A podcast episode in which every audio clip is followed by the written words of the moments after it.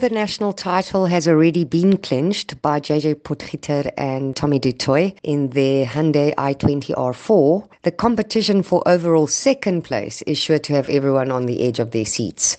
Chris Kutzer and Greg Godridge in their Mazda 2 R4 currently hold second place with 191 points, but we're pretty sure they're going to have to dig deep to stay ahead of third placed Benjamin Habich and uh, Barry White in their quick 1000cc turbo FWD Volkswagen Polo.